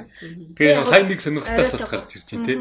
Нийт цалингийнх нь яг хэдэн хүн хадгаламж руу гарч байгаа. Бодоод ингээд 50 60 хэдэн болчих уу байна тийм. Тэгээд ийм байгаа анх нөгөө нэг эхлээд нөгөө нэг бид нар юу гэж зөвлөдгөө гэхэлэр хэцүү би хүртэл одоо ингээд мэдээ санхүүгийн систем гэж хэлж байгаа орлогын хадгалтай амар хэцүү гэдэг мэдж байгаа учраас эхний ээлжинд нөгөө зөвлөдгөө гэхэлэр 10% л хадгалж байгаа гэж байгаа. 10%. Цалингийн 10%. 10%. Өнөөдөр монголчуудын дундад цалин сая гэж бодголоо гэхэд чинь сарда 100 сая төгрөлд өөрийнхөө төлөө хадгалж байгаа. Магадгүй тэрийг 5 даасандаа хуваад ичих. 22 20 тийм үстэй тэр зорилгууд дээрээ зориулаад тэгээ хадгалцгаа гэдэг ингэсэн ба. А тэгээд хадгалаа сурчгаар нөгөө төчин хэрэгцээ нөгөө зарцуулалтын чинь мөнгө чинь багасчдаг байхгүй тий. Тэгэхээр одоо миний бол тэр нөгөө урт хугацааны зорилго чинь бол баг бараг л цалингийн 40% тэнд орчиж байгаа. Тий. Тэгэл дараа нь боловсралтаа 5, нөгөөтөндөө 5, гинти хэрэгцээндээ 3 ч гэдэг юм ингээд хувуудаа ингээд яатсан. Тэгээд одоо дэлхий дээр юу гэж юм гэхлээр дэлхийн сүүлийн нөгөө зөвлөгөөнүүд дээр үцхээр та таныг штэ хуримтлуулагч гэж хэнийг хэлэх вэ гэдэг юм дээр харсан чинь та сарынхаа орлогын 40% хийж цааш нь хийж чадчихвэл таныг хуримтлуулагч гэж хэлнэ гэж байгаа. Тэгэхээр 10% бол зүгээр эхлэл байсан байгаа зү тэ. Тэгэхээр 40-оос дээш хувийг нь хуримтлуулдаг хүнийг хуримтлуулагчаа гэж үздэг гэж байгаа. Тийм юм бэлээ. За тэгэхээр өнөөдөр хоол идэхгүй шүү дээ. Би өнөөдөр хоолныхоо мөнгөийг өрөөсөө 40 өрөө болгоо шийдлээ. Эхлээд амар хэцүү. Зүгээр 10% татлаад. Та одоо ингэж нэлээд 5 дансанд ингэж мөнгө хөрөнгөлүүлээд 4 жил болчихлоо гэж шүү дээ. Тэгэхээр та яг энэ түрүүний энэ ярьж байгаа шиг энэ лаунч хэрэгцээ ч юм энэ хэрэгцээнүүдээ яаж хангах? Тий, эхлээд нөгөөдөг чинь ингэж аахгүй хүн цалингаа буулаа би үрхээс үрхээс маань өмнө нөгөөдөг чинь аваад хадгалчихж байгаа шүү дээ. Тэгэхээр чинь үлдсэн мөнгөөрөө тэрэндээ тааруулаад амьдарч байгаа. Тэрэндээ одоо тэр такси ярихгүй нэг гэж яг тэр үү дээ. Хүн тэрэндээ тааруулаад үнэхээр нормал амьдрна. Тэр та өөрснийхөө амьдрал дээр үзээр хэрвээ тийг бол тэгэхээр хүний такси барьдаг юм. За амттан шимттэй авч идэх нь буучиж. За тэгээ магадгүй дандаа өндөр үнэтэй ресторанд ордог гэсэн байгаа даахгүй юу. Тэ. Тэгэхээр гэрээсээ хоол хийгээд Тий, ланч нь одоо өдөр өдөр болгон 25 мянгаар хоол идэх ч юм бас хэцүү шүү дээ, тий. Тэгэхээр юу гэдэг цэвэрхэн гоё хоолны газар орж эхэлж байгаа. Тэр нь одоо нэг үедээ ланч нь 8000-ын сет хоолтой газар орж эхэлж байгаа. Заримдаа гэрээсээ хоол аваад ирж байгаа гэдэг ч юм уу. Гэх мэтчлэнгээр таны одоо шал дими юмд мөнгө үржүүлсэн юм чинь аяндаа засагдаад ирнэ. Тэгэхээр энэ чинь ийм давуу талтай. Одоо юу гэдэг бүр ингээд ярих юм бол муу зуршлууд чинь засагдана. Мөнгө Яана гэхдээ нөгөө тал чинь чи эдийн засгтай юм уу юм биш. Нөгөө 25 мянган хоол зардаг ресторан чинь үйлчлүүлэгч болоод эхлэх юм биш. Яг тэрийг дараагийн өөр подкаст дээр яа. Тэрний чинь бас хэрэгтэй. Тэрний чинь одоо 25 мянга чинь зүгээр л жирийн мөнгө байгаа тийм сегмент байгаа шүү дээ. А тэр бол байж л байна шүү. Угаасаа тэднэр зориулсан үйлчлэгээ үйлчлэгээ яг нөгөө нөгөө нөгөө өөрсдөө давсан үйлчлэгээ нь бити явчих наалаа. Яг байна. Сая ингээд ярьж хат голомтын одоо 27 төлбөр бол үр дүнтэй хэрэгтэн жишээг нь тоо баримттай хэлээ гэж бод. Энд дээр ингээд аваад үзвэл манай Монгол улсад гээд хараад үзвэл сарда 27-ийн хэмжээнд хадгаламжийн хэмжээнд бол 200-аас 250 орчим төгрөг нэмэгддэг. Голомт банк маань тухайн өрнөлтийг тухайн жилдээ гаргаснараа гэх юм бол хадгаламжийн хэмжээний өсөлтөө ингээд дарах нэг 500 орчим төгрөг төгрөг нэмэгдсэн байсан. Хоёр дахь өссөн гэсэн. А яг хөө нэг сарда нийтдээ хүмүүс маань ер нь 200-аас 250 төгрөг дунджаар хадгаламж нэмэгдэх байхгүй. Тийм байж 500 төгрөг төгрөг нэмэгдэх. Яг хөө сар болгоо 200 төгрөгөөр нэмэгдэгээд авдвал жилийн гүйл нэг 2.5 их 80 те. Тэрний чинь хэрвээ 20% нэгээд 20% нь ганцхан нэг банкнд болохоор өөр дөрөө төлөвлөж чадсан гэх юм те 8 үр дүнтэй арга сайн боловсруулсан бүтээгдэхүүн гэсэн үг. Аа зөв зөв. Яг ингэж бол бол нөгөө талтай болохоор дүнгээс дүн талаас нь авал юм. А яг миний хувьд одоо ингээ 20 талаа гэж харах юм бол би ингэсэн л та. Ажил дээр гараад орлого болсон. Орлого бол жоох хөрөнгөлөл болоод эхэлсэн чинь яг нөгөө нэг бусдын жишгээр хамгийн ихний худалдаа авалт хийдэг зүйл мань бараг л тохиоч одоо тэгэл нэг шинэ гар утсын авсан бол дараагийнх нь бол машин байдаг байхгүй. Машин нэгээд аваад үзсэн чинь надад хоёр сонголт болгоч. Тухайн үедээ би крон 180 крон авах боломжтой байж байгаа. Нэг бол прусер авах боломжтой. Нөгөөх нь нэг нөгөөгөөс нэг дэх илүүтэй. Тэгээ би ихнэртээ амар удаа ярилцсан. Алийг авах вэ? 180 крон аваад илүү гоё тухтай би цалингаас асуудалгүй төлнө миний орлого хүрэх юм байна гэж байгаа. Тэгээ их нэттэйгээ би ярилцаж ярилцаж би 20 авч унсан л да. Тэрэндээ би бүр дараа нь хамгийн их багталтай хамгийн их баяртайс. Яагаад вэ гэдээ аваад үзсэн чи би зөрүү дүнгээр нь би өөрөө өөртөө яг хоригдол гэдэг зүйлийг хамгийн ихний зүйлийг бий болгож гисэн л дээ. Тухайд мэдээж хэрэг би пүрүс 20 машинаа мэдээж хэрэг банкны зээлээр авсан. Зээлээр авахдаа тухайд нэг бол цалингийн зээлээр нэг бол автомашины зээлээр авах гэдэг сонголт байгаа. Тэгээд зээл гээд ярьсан юм чинь зээлийн хүүр үгүй ер нь бол тодорхой хэмжээнд орой гэж бодож байна. Түрүүн орлого орлогоо нотлох гэж яриад байна. Өөрөө юу юм бэ гэх юм бол таны ер нь бол ер нь бол орлогочин хэр сайн нотлогдож тусмал таны хүүч хамгийн бага байна. Тухайн банкнаас санал болгож байгаа. Тэгээ аваад үзэнгүүт мэдээж хэрэг би банкнд ажиллажсэн гэдэг талаас хүүгээ хамгийн бага цалингийн зээлээр авчаа. Тэгээ хүмүүс бас ингэ санаа амарч. Цалингийн зээлээр магадгүй би 2 жилийн хугацаатай машин авчлаа. 30% байдлаа үлдэгдэл 70%. Тэгээд ангууд нөгөө хүмүүс ч мангар сэтгэл багталтайгаар нөгөө машинаа унаад ичээ тэнэл Гэхдээ хүмүүс юуг анзаарах хэрэгтэй вэ гэх юм бол магадгүй чи зээл авсан бол 2 жил биш аль болох чи тэрнийхээ 3-ны 1 юм уу 2-ны 1 хугацаанд нь зээлээ төлөх хэрэгцээтэй гэдгийг ухамсарлах хэрэгтэй. Яагаад юм бэ гэх юм бол зээлийн хүү гэдэг зүйл чинь нөгөө хадгаламжийн үндээс чинь буцаагаад нөгөө банкны зардал нь гарна. Үйл ажиллагаа явуулах юм бол банкны ашиг нь өөрөө нэмэгдсэн зүйл байдаг учраас зайлшгүй өндөр хөтөлж тусдаг. Тийм болохоор би бол аль болох богино хугацаанд төлөв дуусгасан л та. 2 жилийн хугацаатай авсан бол би нэг жил арай өрөхгүй хугацаанд төлөв дуусгасан. Тэгээд дараагийнхан зүйл нэгэ тарсан чи яг хоримтлаа илүү томруулъя. Одоо л яг жигнэсэл мөнгө хадгалах гэдэг чинь тийм. Яг би кров аваад яг төлөх байсан нийт мөнгнөөс зөрүү дүнгээрнд би хадгална. Бүрээс өөрийнхөө зээлдээ төлөөд байгаа байхгүй. Тэгээ ингээ яваад исэн чинь нөгөөтг чи хамаагүй хурдан төлөвдөө дуусчихж байгаа. Тэгээд яг хоримтлыг би болгоё гэсэн чинь мэдээж хэрэг хүүгийн төвчнүүд яг юу аавал хэрэгцээтэй юм бэ гэдэг ингээ харсан. Тэгсэн чи яг эхнээсээ л ингээ сурж л байгаа юм да. Хүмүүс яаж ийн гэд ингээл харсан чинь магадгүй яг тухайн үед нөгөө ажил дээр гарахад чинь л нэг санхүүгийн байгууллага чинь нэг сая сая сая 500 сая төгрөг цалинтай байлаа шүү дээ. 2009 он санагдчих. Эсвэл 2013 онд төгссөн шүү би.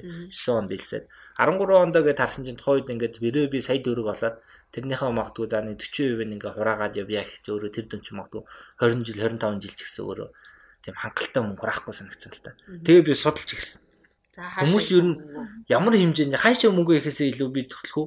Эхлээд хүмүүс ямар хэмжээний орлого олт юм бэ гэдгийг судалсан. Тухайд би санаж байгаагаар Монголын Talent Network санагдчихэв.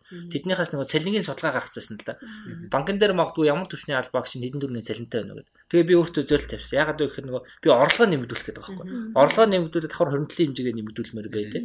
Тэгээ ингээ харсан чинь магадгүй одоо жишээ нь яг сая төгрөгийн цалин авч байгаа нийт хүмүүс хэдэн вэ байгаа. Нийгэм даатгал төлөгчтэй хэдэн вэ? Сая 500 үеийн 3 сая гэдэг. Тэгээд магадгүй би сая 500 3 сая 4 сая гэдэг тэр дүнгууд дээр хүрэх боломжтой хугацаагаа өөр төрөө би зоож өгсөн. Тэгээд ажиллагаа ажиллагаа хийсэн л дээ. Тэгээд ингээ харсан чинь магадгүй одоо салбарын захиалагчийн тухай үуч нэг 2 сая 500-аас 3 саяын залинтай ч гэдэг юм. Ингээ харж байгаа тэр хүмүүсийн хэмжээнд хүрэхэд бол би юуг мэдсэн байх хэрэгтэй юм бэ гэдэг. Өөр төрөө төлөвлөж байгаа тэрийг сурж байгаа байхгүй. Тэгээд нөгөө нэг би юу хийж чаддаг, нөгөө хүмүүст өгч чаддаг болох хэрэгтэй юм бэ. Тэгээд ихнэр бит хоёр хоёулаа төлөвлөсөн л дээ.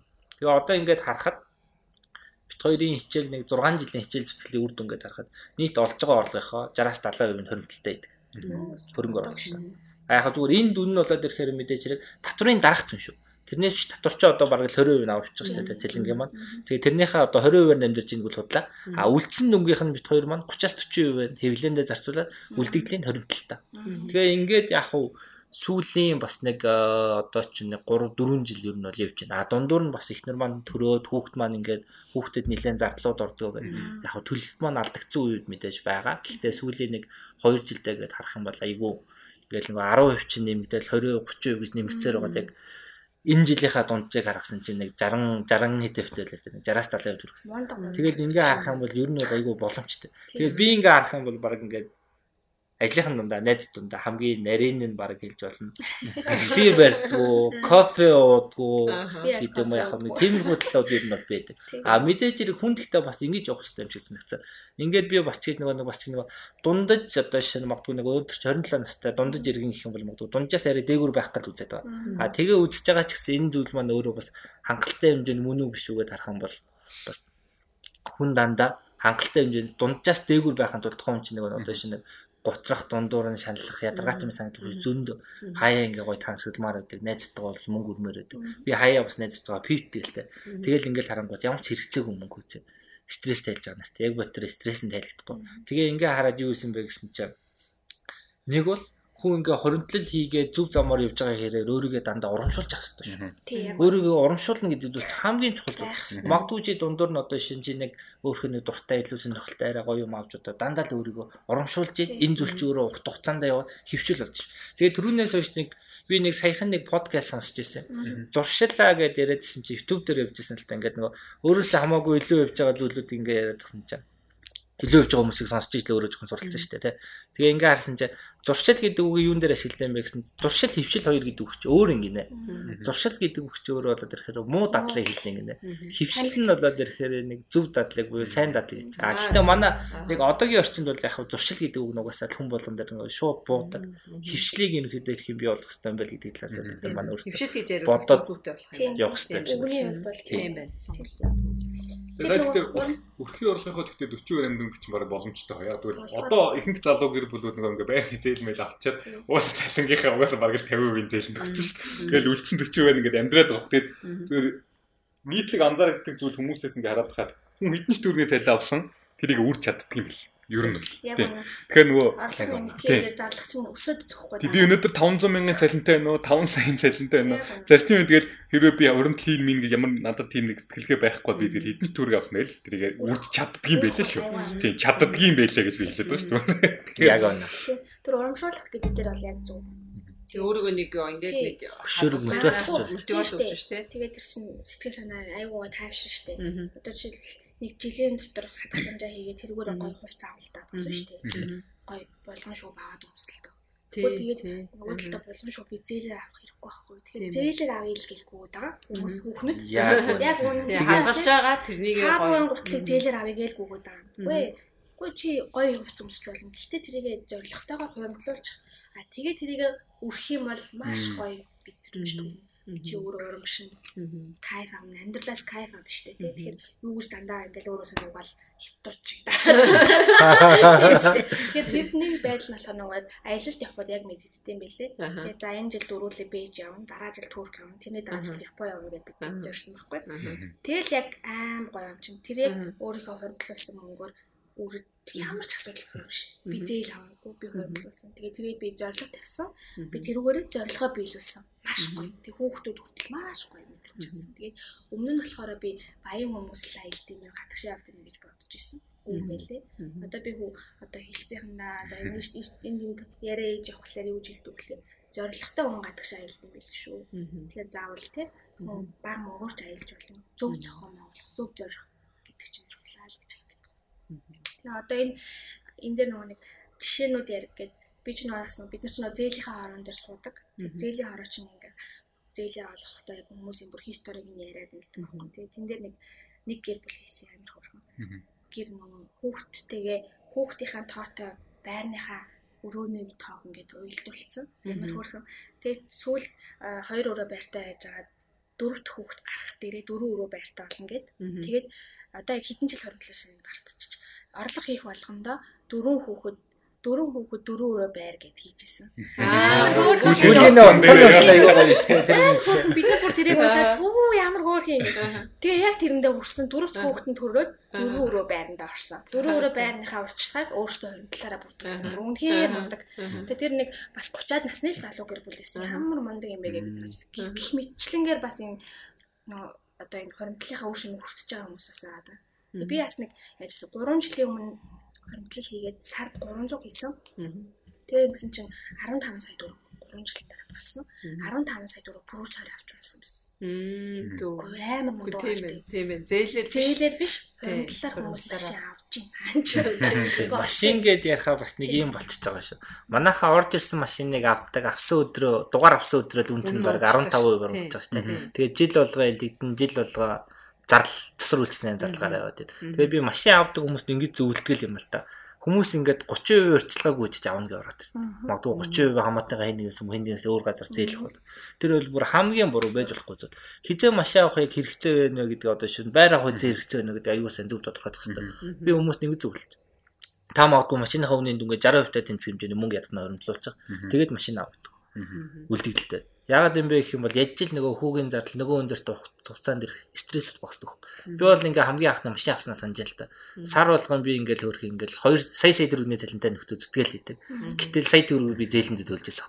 Тэг чи айгүй хүнд байсан л та. Тэр чи одоо баг орлогоо 50% төлж байгаа. Тэгээ ингээ харахад нөгөө айгүй дарамттай нэг хэдэн сар яваад ирэхээр бүр амьдралдаа ажиллаа хийгээл яваад нөгөө ажлын төлөө төрсөн юм шиг л тэгээд Тэхийн оронд одоо шиг магадгүй магадгүй би тэрний оронд дахиад нэг 4 сар хоригдлуулад тэгээд машиныхаа дийлгийн төлөө илүү бага хугацаанд айгу дарамттай бас айгу гоё бага байгаад байдаг.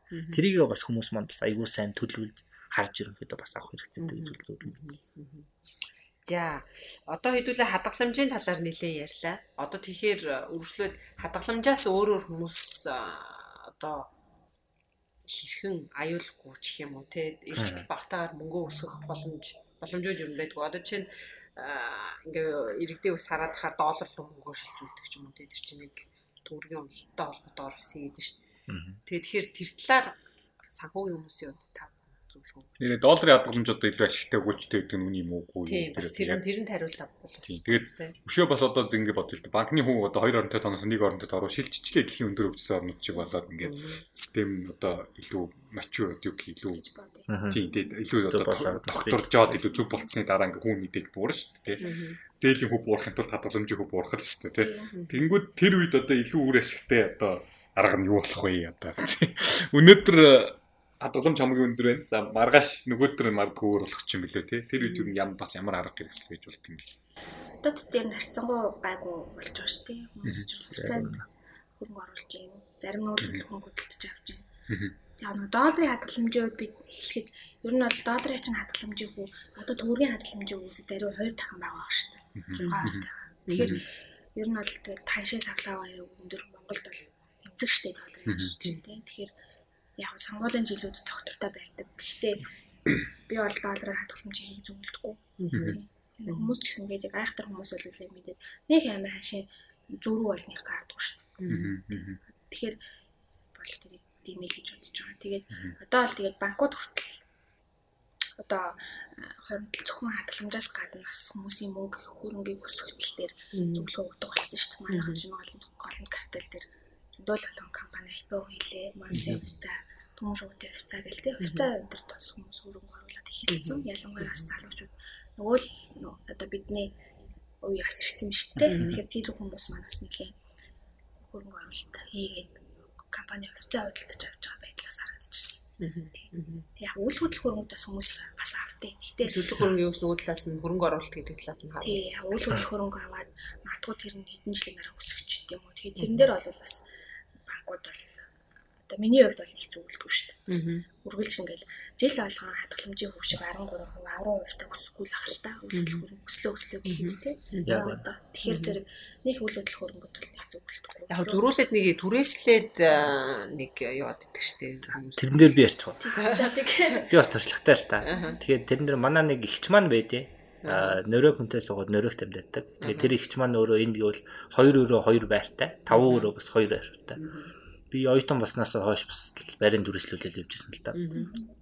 2009 10 11 онуудад бол ашигтай байсан. Ягаад вэ гэх юм бол түрээсийн үн өндөр. Тэгээд 8% ипотекийн зээл гараагүйсэн болохоор хүмүүс тэр болгон байранд орчих чаддгүй.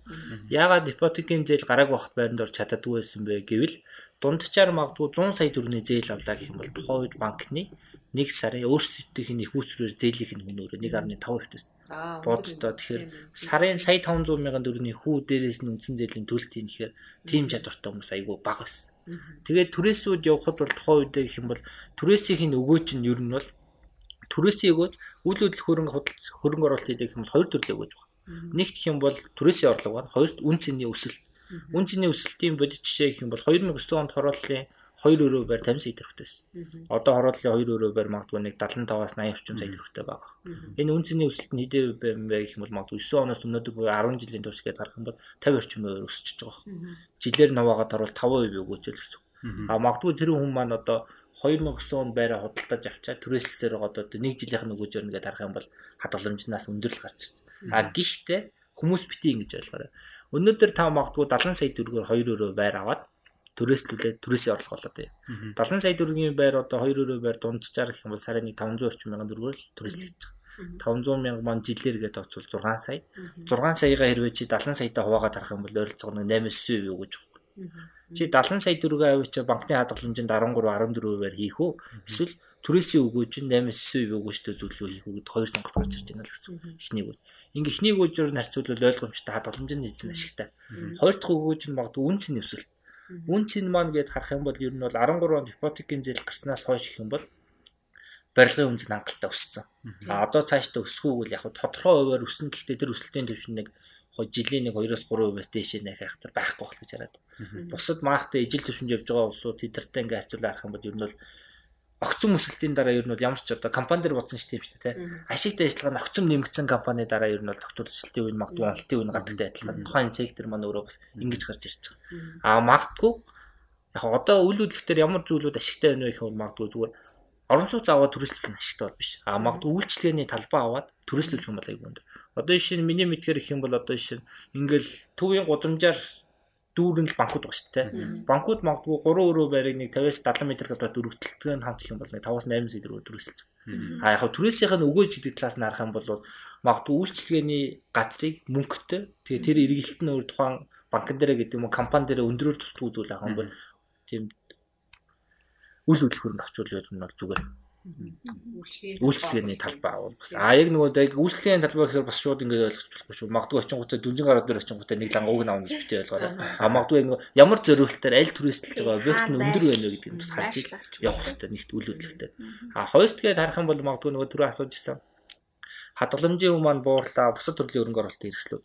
Одоо яг хүүнүүд одоо ингээл саяхан л нэг 5 жилийн өмнө чинь нэг 16.5-аар 17-оор хүртэл ингээл тусгай нөхцөлгөл аваад идэг байж хадгаламж.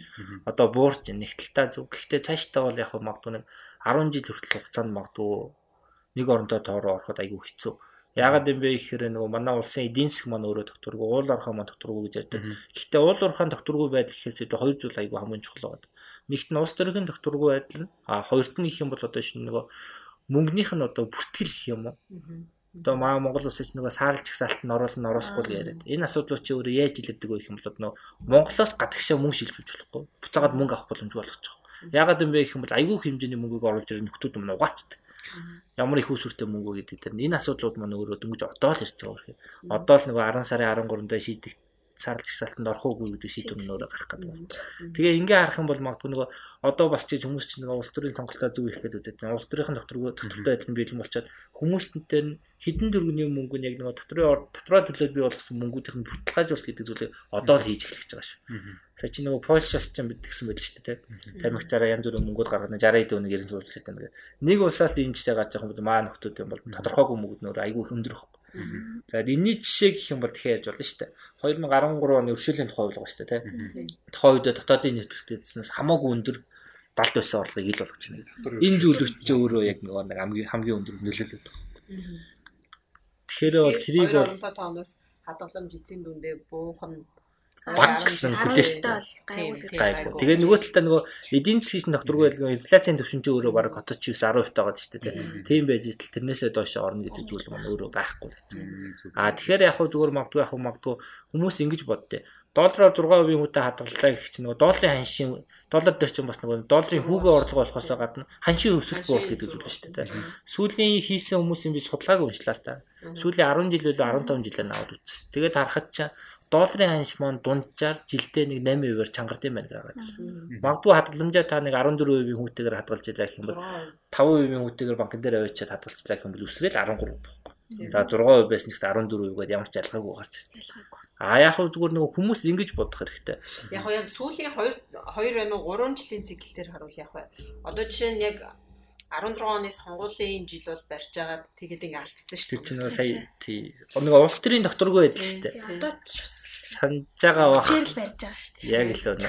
Тухайн жилдээ бол дээрхээр 16 сонгол болохоос өмнө хэмжээний интервенц хийгээ. Монгол банкнаас чи хэмжээний доллар нийлүүлэнгүүтээ буцаагаад өмнөх одоо шүү. Маа улс төрчин дэмжтэй те. Өмнөх засаг юм уу? Өмнөх намыгаа ерөнхийдөө дандаа мууж явдаг. Яг би аль хэдийн сайн гээгүй. Гэхдээ тэгээ ингээд харах юм бол одоо нөгөө нэг одоо шинэ тухайн үеийн сангийн сайдын мэдээлэл нь өөрөө хэтэрхий буруу байсан. Яагаад юм бэ гэх юм бол сангийн сайд мэдээлэл хийснээс 2 сарын дотор долларын ханш маань 8%-аар чангарсан л дээ. 2 сар. Тэгэх юм бол 2 сарын дотор. Тэгээ тэр чинь нөгөө нэг улс төрийн тоглолтын дээрээс одоо шинэ магадгүй нөгөө доллараар худалдаа авалт хийдэг нөтөч алдаад байгаа. Одоо шинэ хамгийн том одоо шинэ монголчууд оюутлага шүү дээ. Оюутлагууд дээр нийлүүлэлт хийчээ тухайн өмнө мөнгө авахын тулд 45 хоног хүлээдэг. Манайхаас зээл аваад хүмүүс аягүй хэмжээний бараа нийлүүлдэг гэсэн. Тухайн үед алдагдал эхэлж ийж эхэлсэн. Ягаад гэвэл нөгөө 45 хоногт чинь зээлийн хүү төлж байгаа оюутлагууд нийлүүлсэн бараа магадгүй 20% ашигтайс гэсэн. 20% ашигаас нь илүү даваа явчих. Тэгээ инхээр нөгөө хүн чинь алдагдлд ороод эхэлсэн л дээ. Тэгэхээр иймэрхүү зүйлүүд бас айгүй сөргөөр нөлөөлдөг зүйлүүд бас байдаг байна. Аа тэгээд сүүлийнх нь хэсэг болгоод тэгээд ярил өөр бусад зах зээлүүд маань хижрээ хөгжих вэ гэж хэлсэн шүү дээ. Бусад орнуудыг гээд харахаараа магадгүй одоо жишээ нь хадгаламжийн үгэн төвшнүүд нь мэдээж буурхай хаягаар бусад зах зээл нь хөгжиж байгаа манай Монгол хүртэл юу нь бол хөгжөөд эхэлсэн. Яагаад вэ гэдээ харуул сүүлийн жилүүдэд банкны сектор маань одоо нэг жилийн 8-аас 12% нийт хөрөнгөөр одоо шинэ өсөлт үзүүлж байгаа бол банкнаас бусад секторууд маань өөрөө 30 ба түүнээс дээшээр өсөлтийг дандаа үзүүлж байна. Ингээ харах юм бол одоо нөгөө үнцаасны зах зээл банк ус ч гэдэм үү? Хадгалан зээлийн хоршоо одоо даатгалын компаниуд гэдэг зүйлүүд маань өөрөө одоо л яг хөгжиж эхэлж байгаа зүйлүүд болоо гараад ирж байгаа. Тэгэхээр магадгүй ирээдүйн 3-аас 5 жил дээр хүмүүс одоо шинэ магадгүй нөгөө банкны хүн болгон бараг банкн дээр явж хадгаламжтай байдаг адилхан. Хүн болго одоо шинэ өөртөө эрүүл мэндийн даатгал хэлдэг ч юм уу. Тиймэрхүү төвшөндөө хүрэх баг. Тэгэхээр түрүү ярьжсэн нөгөө эрүүл мэндийн даатгал гэдэг өөрөө хэрэгцээндээ гэдээ харахад эрүүл мэндийн даатгал бол хүмүүс бас маш их хэрэгтэй шүү. Магадгүй та ажлын байран дээр гараа хийлгэж байх юм бол одоо Монголын 15 даатгалын энгийн компаниуд баг талан шихуу юмч эрүүл мэндийн даатгалыг бол баг дүнтэй ч санал болгодог болсон. Тэдрийг бас авах нь айгүй өөрөө санхүүгийн төлөлтийн өрөөнд айгүй хэрэгтэй байдаг. Хүүг таны дөрөв эмнэлэг төвтлээ гэхэд нэлээд зардал гарчдаг л хувийн эмнэлгүүдээр хэлдэг чинь те. Манайх гэх ч одоо гэр бүлэрээ олон улсын эрүүл мэндийн даатгалтай. Тэр нь болоод ирэхээр магадгүй одоо нэг ямар нэг өвчин зовлон болоо өрчлөн сэргийлэх хангалттай хэмжээнд болчихно л гэдэг санаа болчихдог. Тэгэхээр магадгүй олон улсынхаа байг гэхэд дотоодын эрүүл мэндийн даатгалтай болоод Өөрхөө нөгөө сар болгоо хоримтлуулж байгаа магадгүй нөгөө хоримтлыг чи нөгөө зоригтой хийж байгаа гэсэн шүү дээ. Сая 5 гой зорилгыг бол айгүй гоё ярьлаа. Яг тэр зорилго дээр магадгүй таны хамгийн ихний зорилго ч магадгүй машин авах уу, байр авах уу, хүүхдүүдээ ирээд хүүхдийнхээ ирээдүйд нь 18 хүртэл уу гэдгээсээ шалтгаалаад та өөрөө хідэн дүүргийг бий болгож байгаа гэж байгаас шалтгаалаад тухайн зорилгын хүрээнд хоримтлуулж эхлэх хэрэгтэй л гэж байна. Одоо энэ дээр их чинь би одоо өөр дээр гарсан жишээ гэх юм бол манай хүүхд одоо нэг 3 хагастай л та. Тэгээ хүүхдээ би 18 нас хүрэхэд нэг 100 сая төгрөг бэлнээр байлгах гэж бодож байгаа. А тэгээ 100 саягаа магадгүй доллараар байх нь ашигтай юу, төгрөгөөр байх нь ашигтай юу. Тэгээ ингээ харсан чинь тэрэн дээр бол нэг ялгаа гарахгүй л байна. А би энэ долларын ханш төгрөгийн ханш гэдэг дээр би өөрөө бас нэг 2014 онд сурсан юм аа. Сурах жоох хиндэ мэддгүү байсан л да. Тэгээ ингээ харсан чинь ихч маань инглээ. Нөгөө хөрөнгөтэй ихч маань. 5 өрөө 2 байртаа 2 өрөө 2 байрт. Нэг 5 өрөө бариа зардаг байхгүй. Тэгснэ маань аваачин гутаа худалдаа өсдөг мах төгрөгөөр хадгалцдаг Хадгаламжийн хугацаанд дуусах гэдэг. Тэр 16 он ихээр байхгүй. Гэтэл нөгөө нэг долларын маань хүн маань өөрөө нэмэгдээд байдаг. Тэгээ ихч маань асуудаг байхгүй. Өөрөө 7 сар хадгаламжийн тусах. Би очиж хадгаламжаа туслаад мөнгө авсан ашигтай юу аль эсвэл одоо байлгаад хүлээх ёстой юу гэдэг асуудаг байхгүй. Тэгэхээр би тэгс одоо байгаа ханшийн төвшөөс магадгүй 5%-аар одоо жишээ нь долларын ханш маань өөрөө чангарлаа гэх юм бол та хадгаламжаа цуцснаас ашигтай байна гэдэг. Төсөөлж тэгсэн чинь тэрнээсээ бүр хамаагүй өндөр өгсөн л доо. Хич маань тухайд мен санаж байгаа нэг 450 орчим сая төгрөг өгсөн. Мань нөө доллар болгоо алдагдлээ. Долларын дахиад тухайн үед нөрөөгөө мөнгөнд одоо короноор болгоо дахиад алдагдлээ. Тэгээ мань хүмүүс маань одоо үйл хөдлөх хөрөнгүүдийн түрээсийн үн маань буурсан зарж эхэлсэн л дээ тэр үеэс биш. Ингээ харах юм бол бараг л яг одоогийн хамгийн зөв бэс сонголт нь өөрөө доллар болчихсон. А магадгүй та одоо жишээ нь хөрөнгөний бирж дээр гараад нэг 200 орчим компани хувьцаа байгаа. Хувьцаа авъя яваад очтол хувьцаа гэдэг зүйл ч өөрөө ямар ч тогтмол өгөөж байхгүй. Та магадгүй хадгаламжинд нэг 10 сая хийжлээ гэх юм бол жилийн 14 гэх юм бол сая 400 мянган өгөө аав. Хараа хувьцаа авчлаа гэх юм бол 10 сая төгрөг чинь жилийн дараа 1 сая төгрөг болж магадгүй. Гэхдээ 20 сая төгрөж болж магадгүй. 10 дахин унж болно. Магадгүй 2 дахин өсч болно. Тийм эрсдэлтэй болж байна. Тэгэхээр магадгүй тухайн хүм хүм маань өөрөө хідэн насн дээр байгаагаас шалтгаад би ямар эрсдэл үүрч чадах юм. Ямар эрсдлийн дагаад би аль хөрөнгө оруулалтыг хийж болох юм бэ гэдэг сонголтууд хийсэн. Хөрөнгөлөөлөгч нарын яг насыг харахаар яг л тийм аа 40-оос дээш насны хүмүүс илүү хөрөнгө оруулалт хийгээд эхэлдэг юм л. Цаас аваад. Яг л санхүүгийн эхний зэгтний хэрэгцээнүүд нь хангагдсан. Тодорхой хэмжээний тэр 5 занс манс нь бүр ингээд дүүрсэн болцсон. одоо тохиол за одоо тэгвэл би дараагийн юм руугаа ингээд хөрөнгө оруулъя гэдэг юм гарч ирд юм бэл.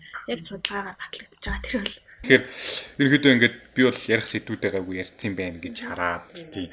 Хэдүүлээ ерөнхийдөө өндөрлөл гэдэг саналтай байна л та. Тэгээд та хоёрт одоо юу гэдгийг зочдтой сонсогчдтой хандаж хэлэх одоо нэг гоё сүлийн үг.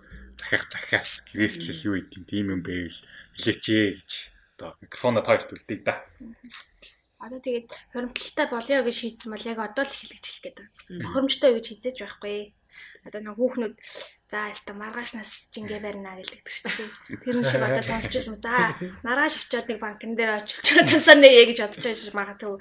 Хэрвээ та яг одоо данстай болмоо санаж байл яг одоо л Тэгээ одоо ямар нэгэн ингээд машиндаа сонсоо явж идэг ч юм уу хааны газар сонсоо явж байгаа бол яг одоо зүг чигээ банк руу болгож өөрчлөлөө. Харцсангуу одоо банкны үйлчлэг ойртод ирсэн халаасан ч орцсон байгаа шүү дээ. Альч банкны аппликейшнээр ороод та дансаа шууд нээж болно. Нэг ганц хуруугаараа үйлдэл хийгээл дансны чинь. Тэгэхээр тэрэн дээрээ та хуримтлалынхаа зорилгоудыг тодорхойлоод тэр 5 данс өнө 6 данс өнө шууд нээгээл яг одооноос л хэл гэж зөвлөмөр байна. Тэгэхээр эрт байх тусмаа та хожно. Гэтэ оройтлоо гэж гутрах хэрэггүй. А хоёрдугаар бас дараагийнх нь болохоор орлогоо олох хэрэггүй. Баг ч гэсэн дүнгээр хуримтлуулаад их хэмжээний мөнгөтэй болж болно. Тогтмол. За гэж зөвлөе да. Миний хувьд бол ирэхээр хүмүүс тэгдэж штэ те хамгийн том хөрөнгө оруулалт юу вэ гэх юм бол магадгүй өөрөө өөртөө оруулах хөрөнгө оруулалт хамгийн том хөрөнгө оруулалт гэдэг. Тэгэхээр магадгүй альч насны хүн байсан одоо орчин үед гээд одоо ингээ харах юм бол би машинд ороод би хөгжим сонсохоос илүү би подкаст сонсдог байхгүй. Дандаа л тухайн боломжтой би тухайн подкастаас санаа авах зүйл зөндөө их байдаг.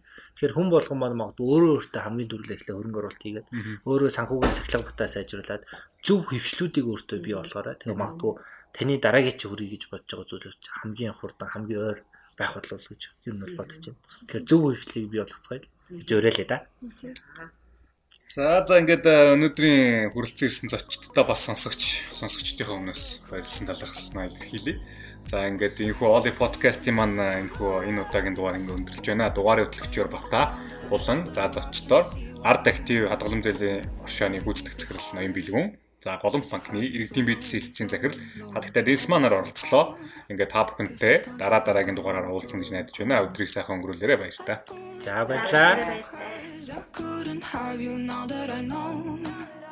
I was in love, I was in love, I was just hope.